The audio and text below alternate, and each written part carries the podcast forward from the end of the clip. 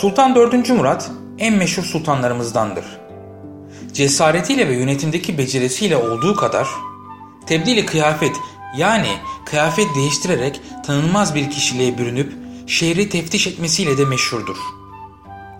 Bu gezilerden birinde veziri ve celladı ile kıyafet değiştirip Üsküdar'dan karşıya geçmek için bir sandal kiralar.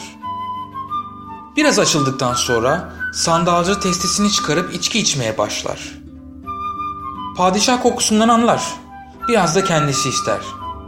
Sandalcı Fazla içme, çarpılırsın. diye takılır. Sultan biraz içtikten sonra sandalcıya Bunun yasak olduğunu bilmiyor musun? diye sorar. Sandalcı Biliyorum ama burada bizi kim görecek? der. Sultan Ya biz söylersek? diye cevap verir. Sandalcı ise Söyleyemezsiniz, siz de içtiniz. der. Sultan Ya ben padişah, bu yanımdaki de vezir ise ne yaparsın? diye sorar. Sandalcı da basar kahkahayı ve der ki Ben size demedim mi çok içmeyin çarpılırsınız diye. Bakın iki yudum içtiniz, biriniz padişah oldu, diğeriniz de vezir. Padişah kendi de içtiği için sandalcıyı affeder. Bu hikayeyi ilk olarak değerli bir arkadaşımın yazısında okumuştum. Hikaye dikkatlice okunduğunda çok derin sorular etrafımızı çevreleyebilir. Örneğin yazar arkadaşım bu sorulardan birisiyle bizi baş başa bırakır. Tanrı da yeryüzünü ziyaret etmek istese kıyafet değiştirerek gelebilir mi? Doğuş Bayramı için hazırlıkların yapıldığı şu günlerde aslında bir bakıma bu sorunun yanıtını da bulmuyor muyuz?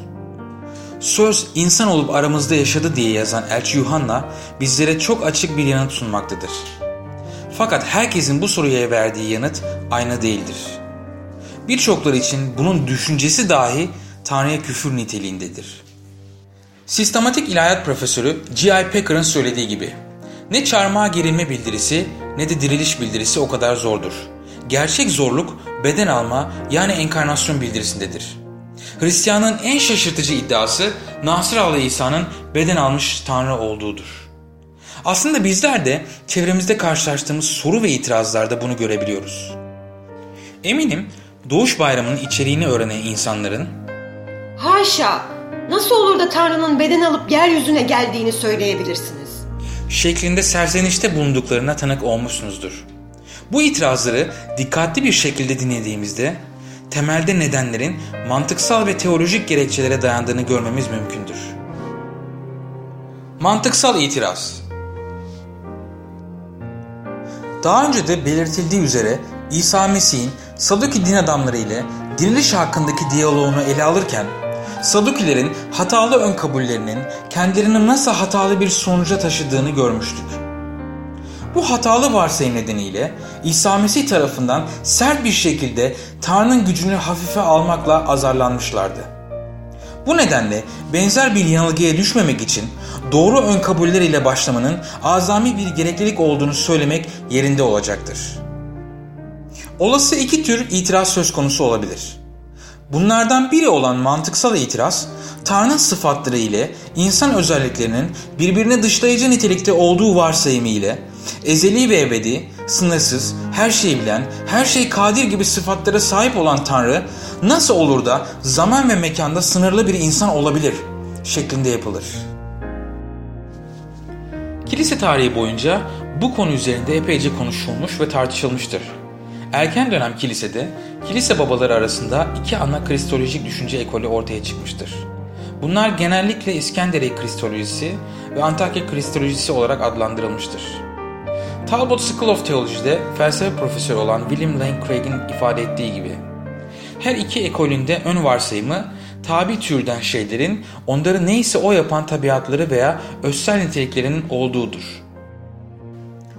Onlar Tanrı'nın mutlak kudret, mutlak ilim, ezelilik, ahlaki mükemmellik gibi özsel sıfatlara sahip olduğuna da inanıyorlardı. Mesele üçlü birliğin ikinci kişiliği tanrısal logosun insan olan Nasıralı İsa'da konut kurmasının nasıl anlaşılacağıdır.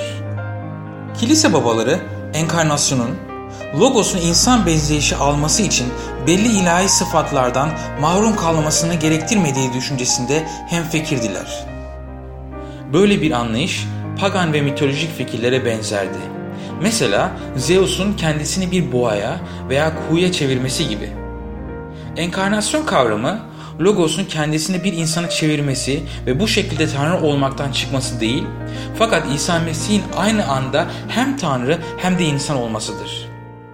Fakat yukarıdaki bahsi geçen nasıl sorusu yanıtsız kalmaya devam etmiştir.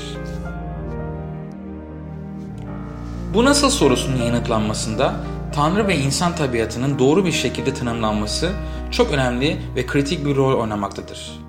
Felsefe profesörlerinden Thomas Morris, The Logic of God Incarnate adlı kitabında bu sözde mantıksal tutarsızlığın insan doğasının tanımlanmasındaki temel bir yanlış anlaşılmaya dayandığını söylemiştir.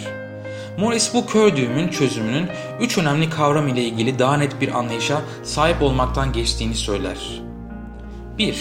Temel nitelikler karşısında temel olmayan nitelikler. 2. Temel nitelikler karşısında yaygın nitelikler. 3. Tümüyle insan olma ile tümüyle tanrı olma arasındaki fark. Morris'e göre temel nitelikler kişiden ya da şeyden çıkarıldığında söz konusu kişiyi ya da şeyi özünde değiştiren niteliklerdir. Dolayısıyla Tanrı'nın her yerde olma, her şeyi bilme ve benzeri sıfatları çıkarılırsa o zaman Tanrı artık Tanrı olmayacaktır. Bunlar tanrısal tabiatın temel nitelikleridir. Bunun yanı sıra iki ele sahip olmak insanlar için yaygın bir nitelik iken temel bir nitelik değildir. Enkarnasyon öğretisine yapılan itirazların merkezinde her şeyi bilme, her yerde olma gibi tanrısal sıfatların yoksunluğuna dayalı olarak yapılan itirazlar vardır. Çünkü insanlar bu tür niteliklere sahip değillerdir. Bu da bizi Morris'in ikinci ayrımına getirir. Temel nitelikler karşısında yaygın nitelikler. Morris'e göre bu dünyada yaşayan herkesin bu dünyada doğması yaygın bir niteliktir. Fakat bu sadece yaygın bir niteliktir. Temel bir nitelik değildir. O zaman Morris şu soruyu sorar.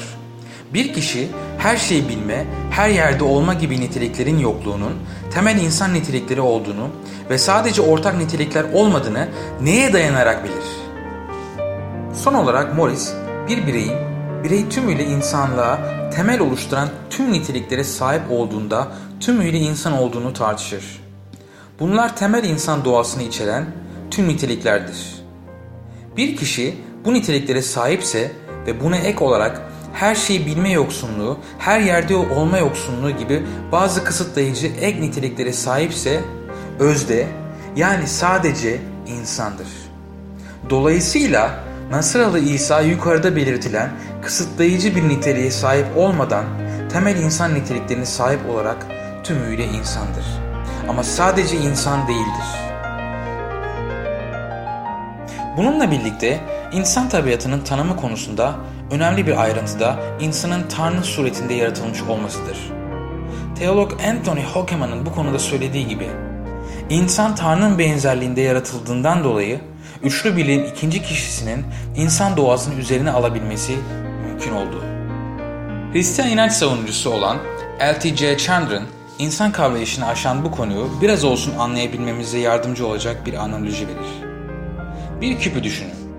İki boyutlu bir uzayda tanımlanması istendiğinde bir kare olacaktır.